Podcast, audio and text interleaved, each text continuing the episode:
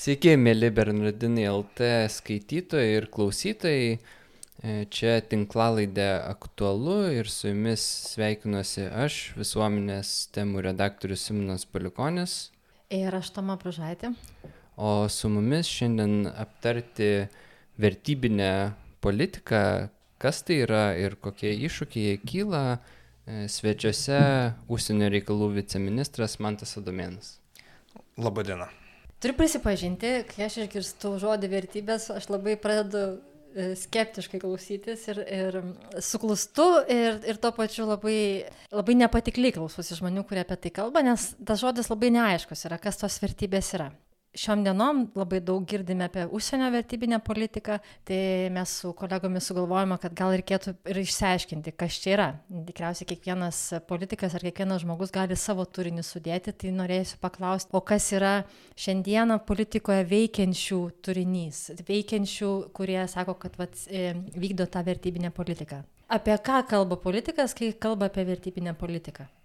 Pradėsiu gal nuo to, kad e, ta vertybinė politika tai yra ne, e, ne pačių susigalvotas pavadinimas žmonių, kurie tą politiką vykdo ar kurie identifikuojami kaip vykdantis vertybinę politiką, bet greičiau yra gal atėjęs toks labiau iš šalies. Ir, ir, ir e, iš tikrųjų ne, nesu girdėjęs, kad kas nors iš dabartinės užsienio politikos kuries, kuriejų savo pasakytų arba savo bendražygiams, žiūrėkite, dar pradėkime vykdyti vertybinę užsienio politiką.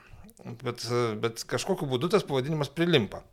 Dabar kodėl jis atsirado, tai turbūt e, todėl, kad pagrindžiant šitą e, dabartinę užsienio politikos paradigmą, kryptį, galbūt yra dažniau apeliuojama į vertybės ir vartojamas e, žodis vertybės, nurodant kaip tam tikrą svarbų pagrindą, kuriuo, kuriuo dabartinė užsienio, bet turbūt ir kitokio, bet labiausiai turbūt kalbam apie užsienio politiką remiasi. Tokias vertybės kaip ten, laisvė, demokratija, įstatymo viršenybė, dar būtų galima vardyti keletą kitų tarptautinės teisės arba teisė grįsta tarptautinė tvarka ir taip toliau. Bet aišku, kad toks pavadinimas jis iš dalies yra nervuojantis ir aš labai puikiai suprantu žmonės, kurios, kai kas nors pakrikštė vieną užsienio politikos kryptį vertybinę, juos tai pradeda erzinti, nes uh, tada tarsi išeitų, kad žmonės, kurie nepritarė, yra kažkokiu būdu nevertybiški, antivertybiški ir panašiai, kad jiems svetimos vertybės. Ir, uh, tai, tai vienas dalykas. O kitas dalykas, tai aš manau, kad tas pavadinimas yra šiaip jau, na, taip filosofiškai žiūrint, netikslus paprasčiausiai. Todėl, kad Vertybės turi visos politikos. Visos politinės kryptys, visos politinės paradigmos ir taip toliau. Klausimas tik tai yra, kokios tos vertybės ir, ir, ir kas laikoma. Nes jeigu žiūrėsim į na, vertybės apibrėžimą, tai ir yra tas, tas išorinis pagrindas, kurio remiasi tam tikri veiksmai ir į kurį apeliuojama kaip į pateisinimą, pagrindimą, tikslą ir, ir, ir, ir panašiai. Tai, tai žmonės, kurie netgi sako, kad visos tos vertybės yra visiškai niekai, kurias jūs įvardyjate ir reikia čia draugauti su Lukašenka ir, ir su Xi Jinpingu, jie irgi turi tam tikras vertybės ir tos vertybės yra tiesiog gal rečiau pavadinamos vertybėmis, nu, tokios kaip pelno maksimizavimas, manimas, kad kitų ten, ar, ar kokių baltarusių opozicionierių ar uigūrų kančios yra nesvarbu, jeigu ir neturėtume jomis rūpintis, reikia žiūrėti savo daržo, o jeigu galime gauti pelno su tironais bendraudami, tai tai, tai nieko čia moraliai smerksina. Tai irgi yra tam tikra vertybinė nuostata. Ir, ir tie žmonės irgi turi savo vertybės.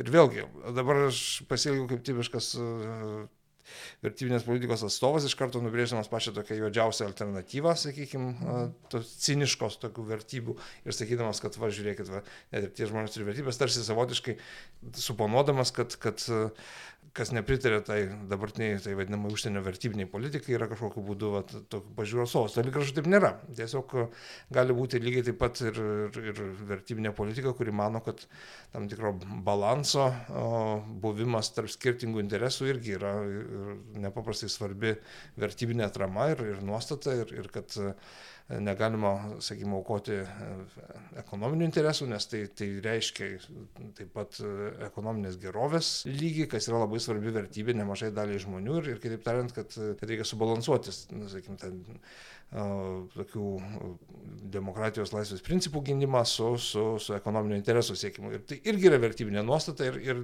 net savotiškai labai gerbtina vertybinė nuostata. Ir, ir aš nemanau, kad kas nors labai galėtų su ją ginčytis iš tiesų. Taip, tai taigi aš noriu, ką noriu pasakyti, kad iš dalies tas pavadinimas vertybinė užsienio politika gali būti labai klaidinantis, jeigu traktuosime tai kaip kažkokį apibrėžimą.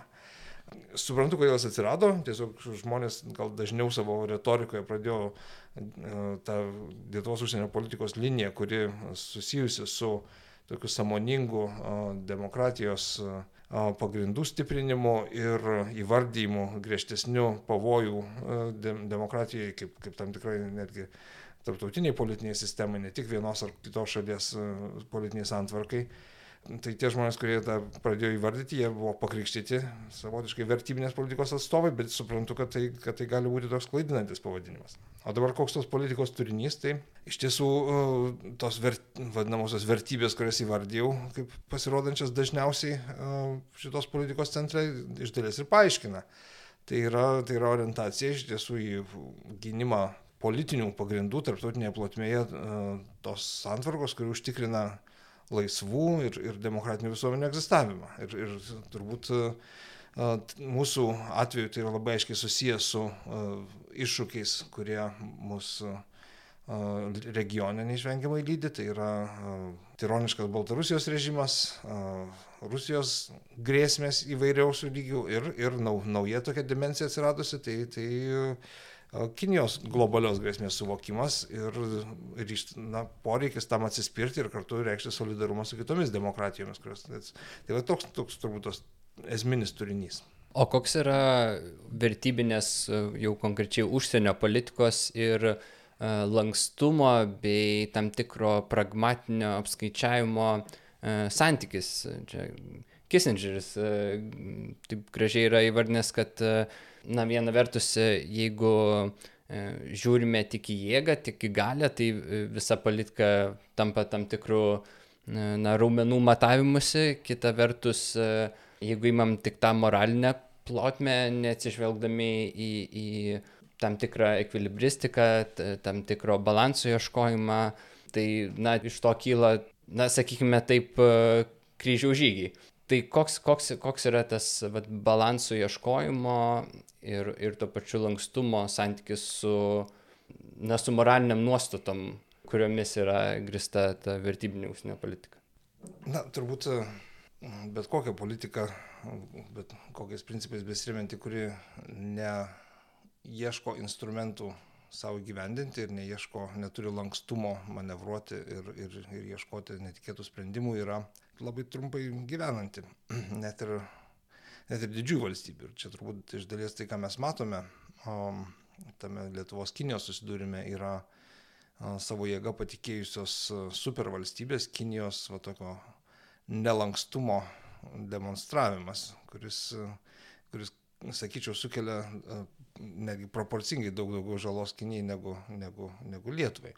Dabar Lietuvos situacija turbūt yra įdomi ta prasme, kad, kad yra maž, maža, labai maža valstybė, kuri suprasdama, jog jos problemos ir jos jai kylantis iššūkiai, tokios kaip, kaip kaiminės Baltarusijos keliamos grėsmės ir, ir, ir, ir, ir Rusijos saugumo keliamos grėsmės gali na, išnykti savotiškai iš radaro, aš dabar jau galvosime, dabar tai aišku, tai tas negrėsia, bet, bet prieš metus, jeigu gal, galvotume apie tuomet buvusią būklę, tai atrodė, kad visas pagrindinės demokratinio pasaulio lyderės ir mūsų saugumo garantės Junktinių Amerikos valstybių dėmesys gali nukrypti tiesiai į tik į ramų į vandenyną ir, ir Europos, rytų Europos reikalai gali būti visiškai nesvarbus. Būtent tokios, tokios prielaidos dėjosi klausantis, dėjosi galvoje klausantis prezidento Bideno inauguracinės kalbos. Ir tai buvo jau savotiškai programinis toksai teiginys.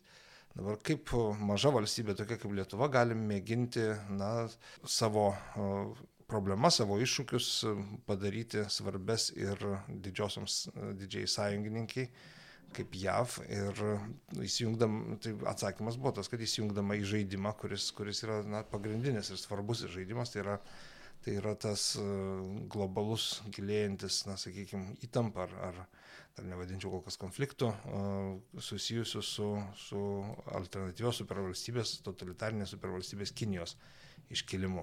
Ir, ir čia galimybė išreikšti solidarumą Taivanui kaip šaliai, kuri savo pačiu buvimu savotiškai brėžia Kinijos liaudės Respublikos galios ribas ir yra nuolatinis iššūkis tiek tokia tiesioginė politinė prasme, tiek tai, kad jis išlieka de facto nepriklausomas, tiek gilesnė konceptualesnė prasme, kad tai yra kinų kultūros ir demokratijos derinys.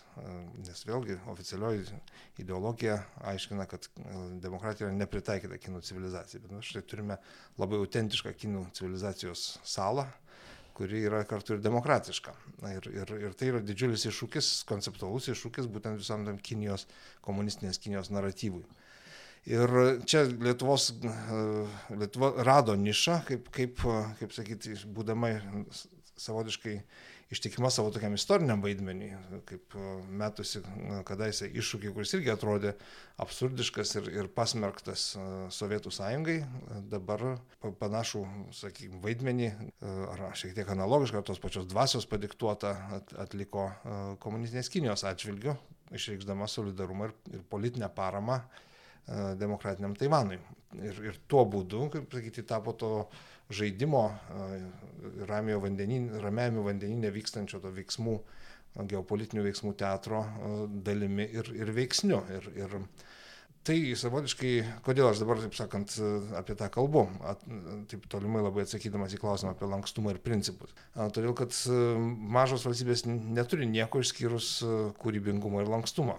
Ir, ir čia aš sakyčiau, kad tai nėra kaip tik nelankstumo išraiška, bet Lietuvos gebėjimo lankščiai ir kūrybiškai interpretuoti savo gyvybinius poreikius. Tai yra turėti, turėti strateginį JAV dėmesį ir, ir palaikymą ir pritaikyti jį visiškai tai naujai situacijai, ir kuris ir tas, tas gamintas jis be abejo reikalingas ir tam tikros, nu, tai susijęs tam tikrą riziką bet, bet jisai pavyko ta prasme, kad iš tikrųjų Lietuvos vardas, o to pačiu ir Taivano vardas, tiesą sakant, kaip niekad ne, nebuvo per pastarosius keletą dešimtmečių tiek, to, tiek laiko, kad jis nenueitų nuo pasaulio dėmesio. Ir tik tai visiškai tokio jau milžiniško karo Ukrainoje grėsmė, na, kaip sakyti, tą klausimą šiek tiek pastumėjo į, į, į šoną. Bet, bet va, čia ir yra, aš norėjau to pailustruoti, kad ta politika, ji jokių būdų nėra na, kažkokiu sustabarėjusiu, kaip kaip tik ji labai, labai turi lankščiai uh, ieškoti galimybių veikti, kad, kad uh, maža valstybė galėtų ne tik tai būti uh, tų raumenų demonstravimuose tokia žaidimo stebėtoja, bet kažkokiu būdu savo vikrumu irgi įtakoti žaidimą. O ne per didelė kaina to, to dalyvavimo tame žaidime. Paminėjote irgi rizikas kažkokias, ar ne? Tai ar ne per didelės tos rizikos yra, girdis irgi kritika, ar ne? Politikai vykdo tą vertybinę politiką, bet už ją moka paprasti piliečiai, kurie tarsi ir neturi jokio sprendimo galios ar jokio tokio, na, galimybės išsakyti savo, savo nuomonę ar savo kažkokį sutikimą ar nesutikimą tų konkrečių žingsnių, e, kur rezultatas juos e, gali asmeniškai paliesti atžvilgių. Kaip paaiškinti, gal čia labai toks paprastas klausimas, kaip paaiškinti, kaip motivuoti tos, na, tos piliečius ne, nešokti prieš, ar ne, e, kaip, kaip padėti suprasti, kad vis tik tai tos vertybės, apie kurias mes kalbam, jos turi savo kainą, kurią tikriausiai visi turėtume mokėti. Aš gal iš kiek kitos pusės pabandysiu į tą klausimą atsakyti, nes na, čia nėra politika, kuri yra pagrista tik tai vieno kažkokio tokio tezę apie paramą kitoms demokratijoms ir pasipriešinimą autoritarizmams. Ką mes taip pat matome ir, ir e, nors kiek gilesnė analizė negali nematyti, tai yra, kad vis gilėja įtampa ir praraja tarp, tarp autoritarinių valstybių, kurios vis labiau konsoliduojasi ir, ir, ir viena kitai talkina ir, sakykime, laisvojo pasaulio. Ta paveikslą šiek tiek buvo aptemdęs toks visiškai chaotiškas Donaldo Trumpo elgesys, bet, bet jam pasitraukus, na, šiek tiek paaiškėjo, kad, kad tos, ta įtampa per tą laiką tik tai pagilėjo ir, ir, ir čia tai kelia rimtas, rimtų problemų būtent dėl no, globalaus ekonomikos susaistymo, kuris e, kol kas yra tokių valstybių kaip Kinija, būtent Kinijos išnaudojamas na, kaip įrankis nusirpti tiek intelektualinę nusavybę, tiek technologinės pažangos rezultatus ir, ir, ir kurti geopolitinę ir karinę alternatyvą demokratiniam pasauliu. Ir, ir čia tai negalėjo, negalėjo tęstis ilgai ir, ir mes jau pradėjome matyti požymius, tiesą sakant, dar gerokai anksčiau, dar prieš, prieš 20-21 metus, kai buvo iš tiesų ES susirūpinta intelektualinės nusavybės netekimu, JAV susirūpinta tomis tiekimo grandinėmis, kurios yra pernelyg priklausomos nuo Kinijos, pradėta kalbėti apie tą nearshoring, perkelimą gamybos. Kitaip tariant, uh, geopolitiškai du pasauliai pamažu, bet nesulaikomai ir pastaruoju metu vis greitėdami skiriasi. Kinija vis labiau suauga su Rusija, su jos klientėmis valstybėmis kaip Baltarusija, su kitais autoritariniais režimais, kurie, kurie ją palaiko jungtinėse tautose ir kitose daugiašaliuose formatuose.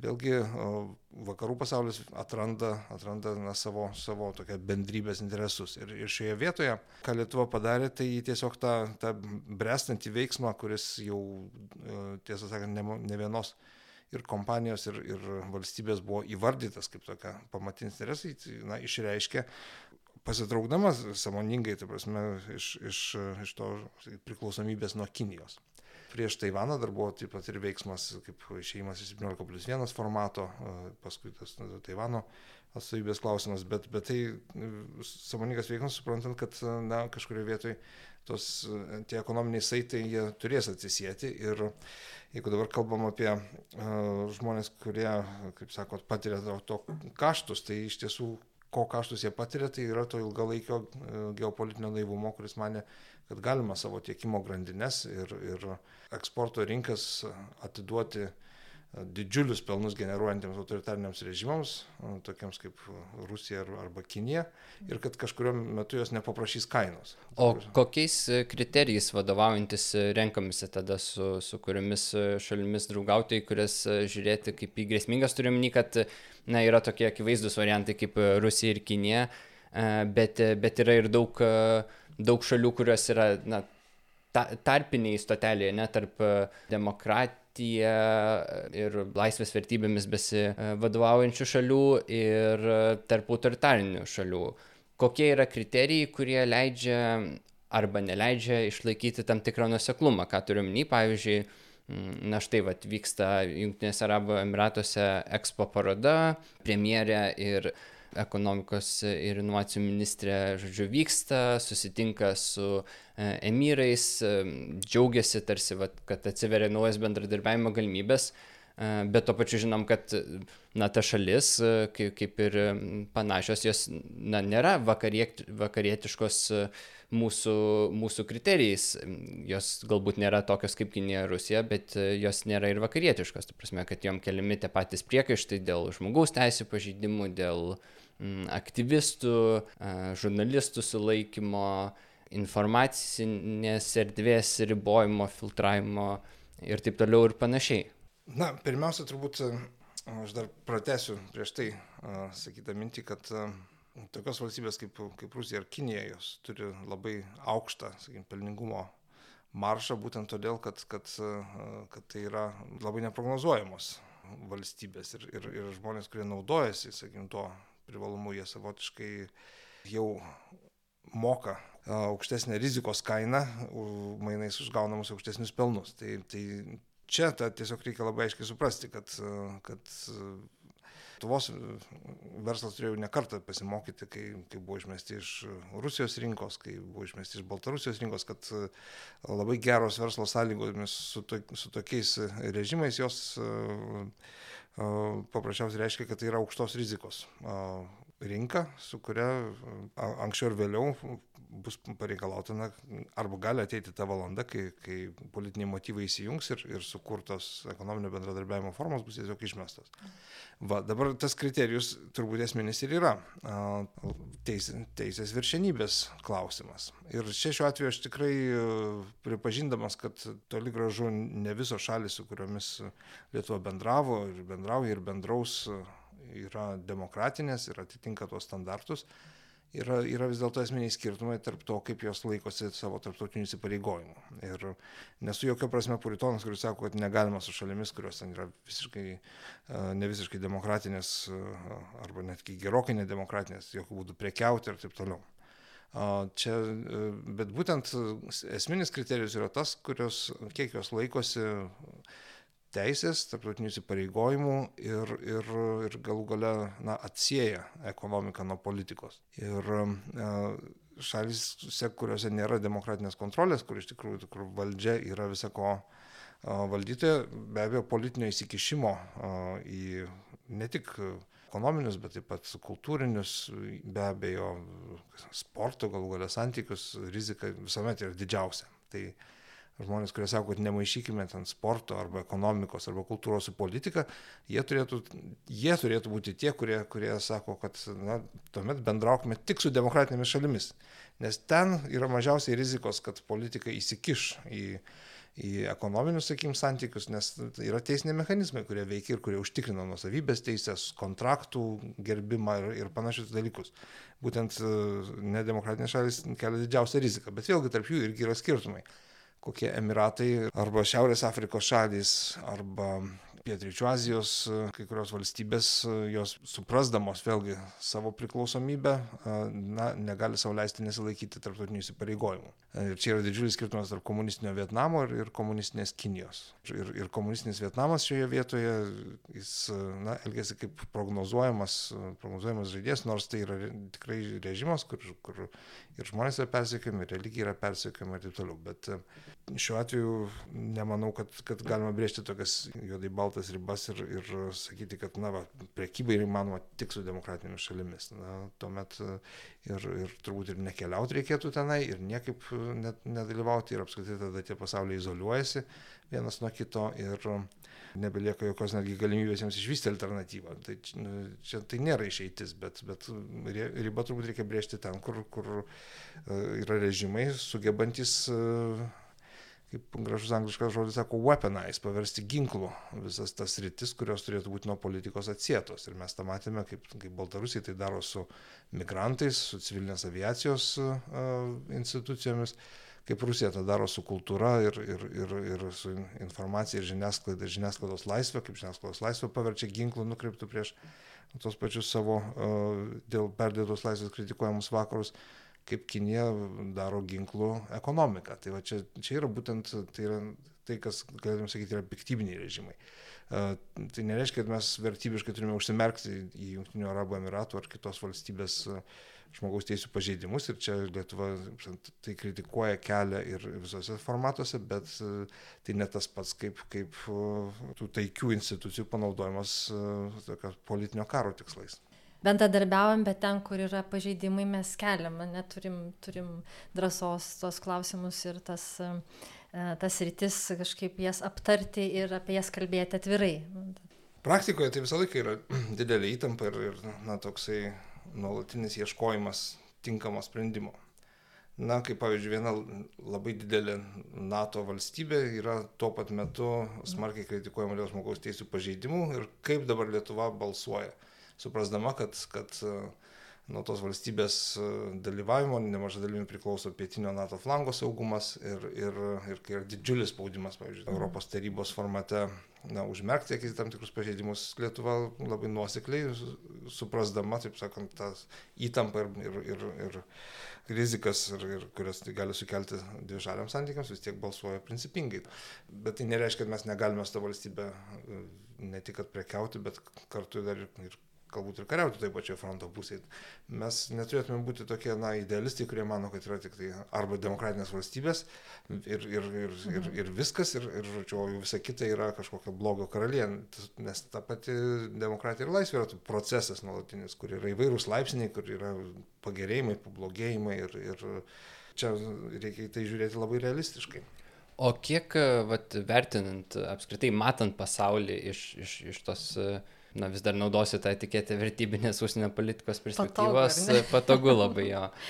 Tai kiek mums yra tokio euro arba atlantocentrizmo, ta prasme, kad, pavyzdžiui, vat, paminėjot, kad net ir tas pats Taivano klausimas realiai iškilo galvojant apie Junktinės Amerikos valstijas.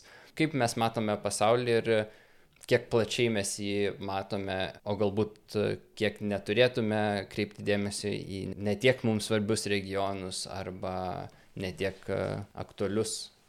Na, aš sakyčiau, kad mes į ramų į vandenyną ir, ir, ir į Taivaną ir Kiniją dėmesį atkreipiam ne tiek galvodami apie Junktinės Amerikos valstijas, kiek galvodami apie Lietuvą. Nes šiaip jau esminis klausimas ir fundamentalus klausimas, ir čia galioja ir Taivanui, ir turbūt daugelį kitų šalių, kad Lietuvos pamatinis gyvybinis interesas yra turėti tokią pasaulio tvarką, kurioje valstybės kaip nedidelės valstybės kaip Lietuva galėtų išlikti. Tam reikia, kad būtų tarptautinės teisės garantijos, kad būtų gerbiamas e, tautų apsisprendimas, kad, kad būtų gerbiami e, vėlgi laisvės ir demokratijos principai, tai tas galioja ir Hongkongui lygiai taip pat, kur mes matėm, kaip 8 milijonų tokiame mieste valstybėje buvo išrautos bet kokios demokratinės, tikrai sukurtos gerokai demokratinės visuomenės prielaidos ir, ir laisvės dvasia ten gyvavosi. Mes matėme daugybę tokių ir, ir postumių, kaip, kaip na, toje pačioje Baltarusijoje, čia pat už 30 km, tautos valia labai aiškiai pasireiškusi ir, ir paskui ilgai dar tokiais protestais rusenus ir, ir liepsnojusi buvo brutaliai užspausta ir, ir, ir ne, ne, neleista galimybė. Tai vėlgi klausimas apie kokį pasaulį mes na, matome, ar tokį, kur, kur yra galingojo teisė, ir vyksta kažkokie susitarimai dėl įtako zonų ir pasidalinimas įtakomis ir, ir duok die, kad mes būtume teisingo įtako zonos pusėje, bet taip gali nebūti, kaip istorija ir patirtis rodo, ar vis dėlto pasaulis, kur valstybės gali išlikti dėl tarptautinės teisės principų, kad, yra, kad tie principai yra gerbiami ir, ir, um, ir tvarka grįsta orumu. Tai, tai mes, mūsų pagrindinis apsisprendimas buvo, kaip sakant, kovoti įmanomomis priemonės už tą pasaulio tvarką, kuri, kurioje Lietuva galėtų išlikti.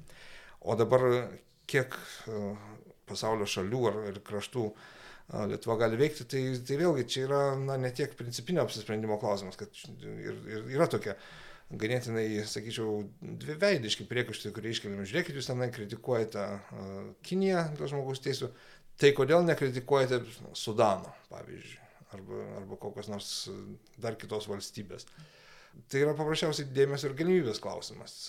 Na, vis tiek maža valstybė negali pasimti būti visame pasaulyje. Jau mes vieną stovybę turime, palyginti labai nedaug.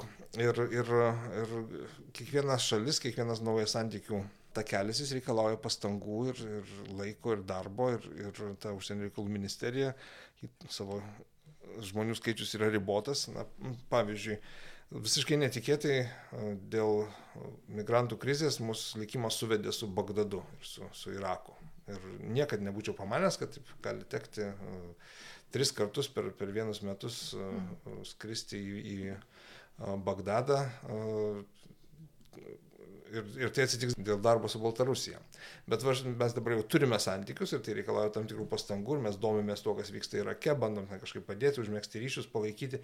Ne tik todėl, kad, kad uh, norime išspręsti migrantų klausimą iki galo, bet todėl, kad jau kai likimas suvedė ir matai tą kitą irgi valstybę, kuri bando iš po karo ir po didžiulių sukretimų vaduotis ir kažkokiu būdu atkūrinėti valstybės pagrindus, tai, tai irgi, na, savotiškai yra imperatyvas, kiek įmanoma bendrauti, padėti, paremti, palaikyti.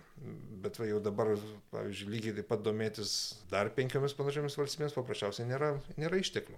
Jeigu žiūrit ne tiek į užsienį ir ten skirtingas e, valstybės, kurios vykdo skirtingas politikas, net, tarkime, žmogaus teisų klausimas, bet žiūrint čia į Lietuvą, ne, e, vėl sulaukėm ir kritikos ir patiems savo, kad mes tarsi rūpinomės žmogaus teisėmis kitur. Bet nebūtinai iki galo pasirūpinam žmogaus teisėmis e, čia, Lietuvoje. Čia, jeigu taip konkrečiai, tai aš kalbu labiau apie vat, migrantų, kadangi prie to prieėm, e, apie migrantų klausimą.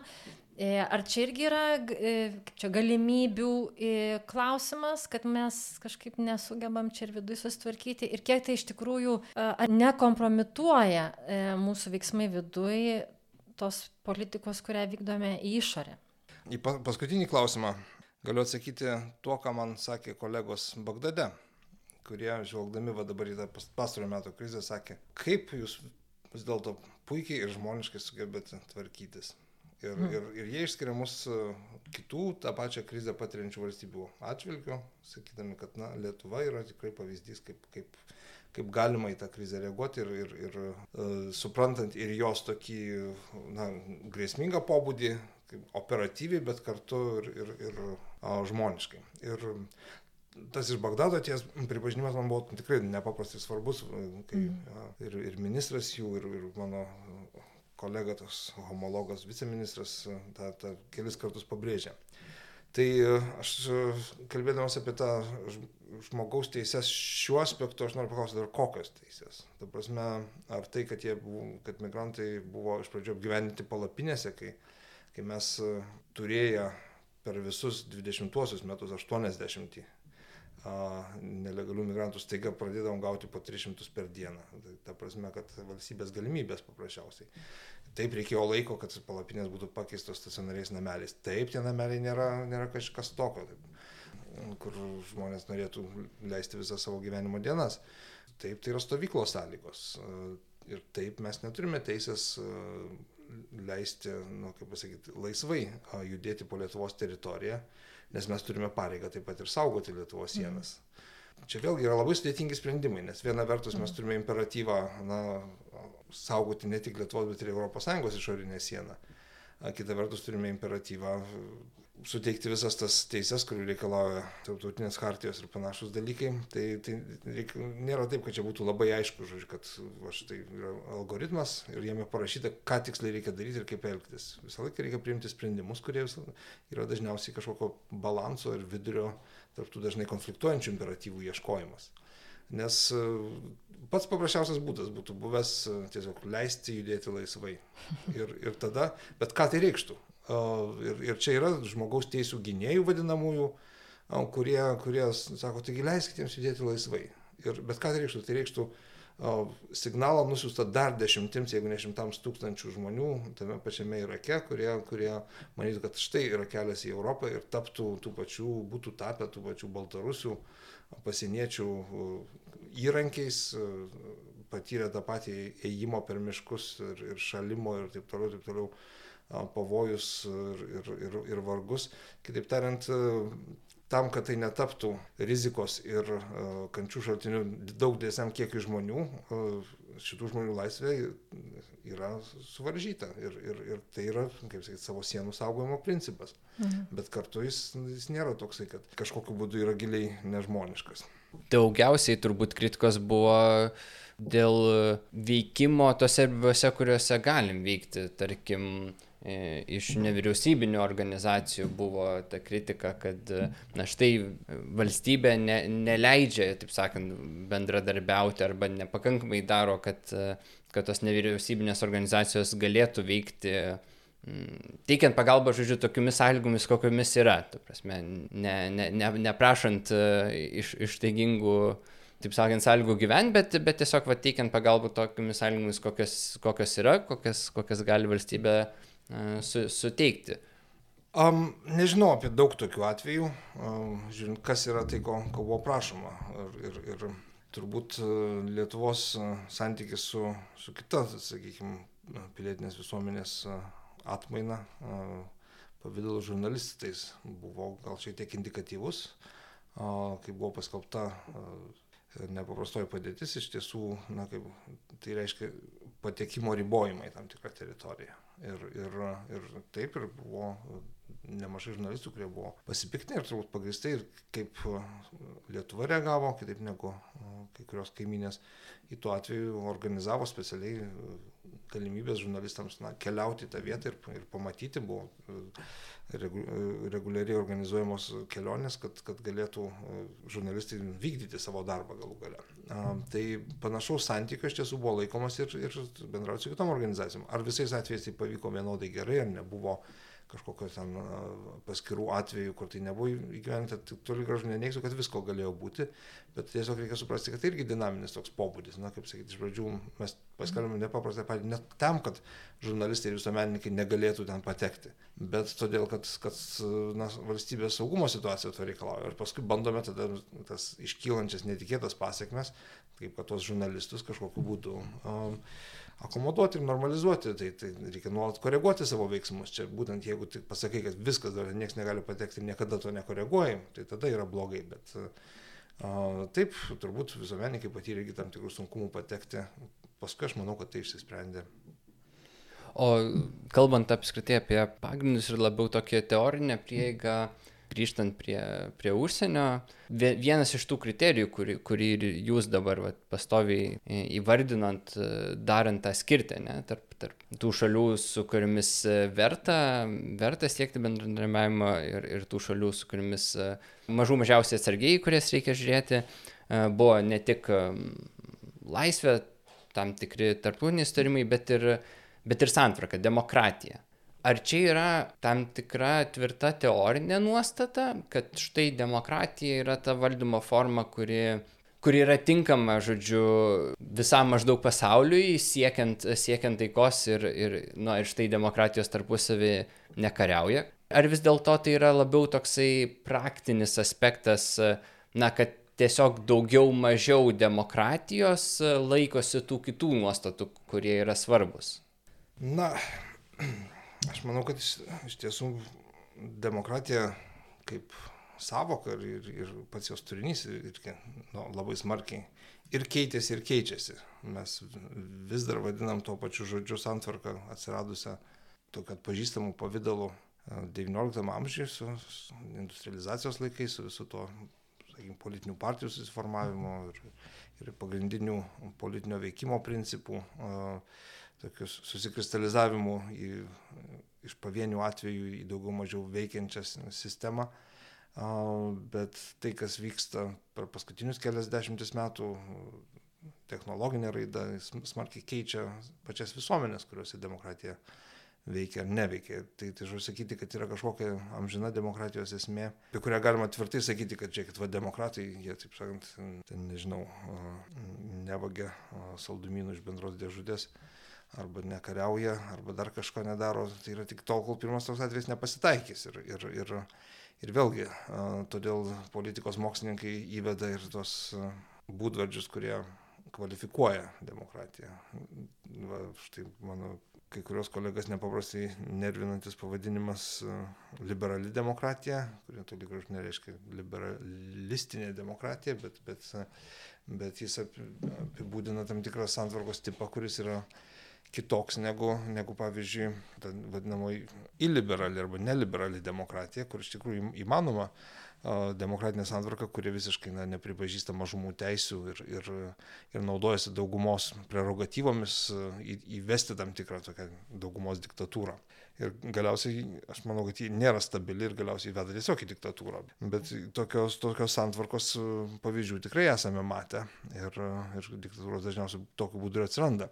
Tai vėlgi, ta demokratija į savį, nėra toks daiktas, kuris, kuris yra pats savaime kažkoks e, turintis stiprų turinio ir uh, normų krūvį ir, ir, ir diktuojantis uh, valstybių elgesį. Greičiau tai yra tam tikra siektina būklė, jeigu kalbam apie na, veikiančią tą liberalią demokratiją, kuri nebūtinai yra susijusi netgi su respublikoniška santvarka. Ta prasme, viena seniausių veikiančių demokratijų yra konstitucinė monarchija. Ir čia tame nėra nieko blogo. Ir aš netgi manau, kad nemaža dalis režimų tokių pusiau autoritarinių uh, išspręstų daug savo problemų, jeigu prezidentas, jaučiantis nuolat pareigą būti perrinktas e, penkis ar šešis kartus iš eilės iki gyvos galvos, tiesiog pasiskelbtų monarchų ir, ir, ir, ir sukurtų konstitucinę monarchiją. Galbūt tai yra, yra kelias į priekį. Bet, e, bet faktas yra tas, kad e, esminis dalykas apie demokratiją tai yra jau nuo pat Aristotelio laikų toks aiškus, tai yra galimybė maksimaliam kiekiu žmonių dalyvauti valstybės valdyme. Ir iš, tai iš to kyla ir būtent demokratijos, įvairių pobūdžių demokratijų toks santykinai humaniškesnis požiūris į patį žmogų, nes, nes visi yra politiniai subjektai, ne tik, ne tik kažkoks vienas valdovas arba, arba nedidelė grupė. Ir, ir kita vertus galimybė dinamiškai reaguoti, tai yra keisti, keisti valdžiai, kas yra ypač svarbu, kai atsiranda kažkokie piknaudžiavimai valdžia. Tai nereiškia, kad demokratijose nebūna žmogaus teisų pažeidimų, piknaudžiavimų, kažkokių nuokrypių nuo humaniškumo normų ir panašiai. Tai, bet tiesiog juose yra įmontuotas principas tokios autokorekcijos, galimybės pasikeisti ir pasitaisyti. Ir, ir taip pat prielaida, kuri turbūt yra na, politinės filosofijos požiūrį labiausiai ginčina, kad kolektyvinis mąstymas yra, yra kažkokiu būdu pranašesnis už nedėlės grupelės. Ir, ir viena vertus tai turbūt veikia didžiąją dalimi, bet nes, nes stochastiškai tarp daugelio protų ir lastelių gali atsirasti taip, daugiau sprendimų, kurie, kurie sugeba dinamiškai reaguoti į besikeičiančias pasaulio ap, išorinės aplinkybės. Kita vertus, va, dabartinės informacinės, sakykime, būklės kontekste tai gali būti pavojinga, kai, kai ta kolektyvinis nevalia yra užvaldoma kokiu nors samokslo teorijų ar, ar, ar kažkokių ideologinių lozungų. Ir, ir čia aš irgi matau irgi tam tikrą pavojų demokratijos išsigimimo būtent ir, ir pavojų, kurios kelia naujosios tokios technologijos informacinės. Mėly Bernardinai LT klausytojai, ačiū, kad buvote su mumis. Šiandien diskutavome apie vertybinę politiką ir konkrečiai užsienio politiką. Su mumis e, buvo užsienio reikalų viceministras Mantas Adomėnas. Ačiū. Ačiū Jums, mėly klausytojai. Ir aš Toma Bružaitė. Bei aš, e, Bernardinė LT, visuomenės temų redaktorius Simonas Balikonis. Ačiū.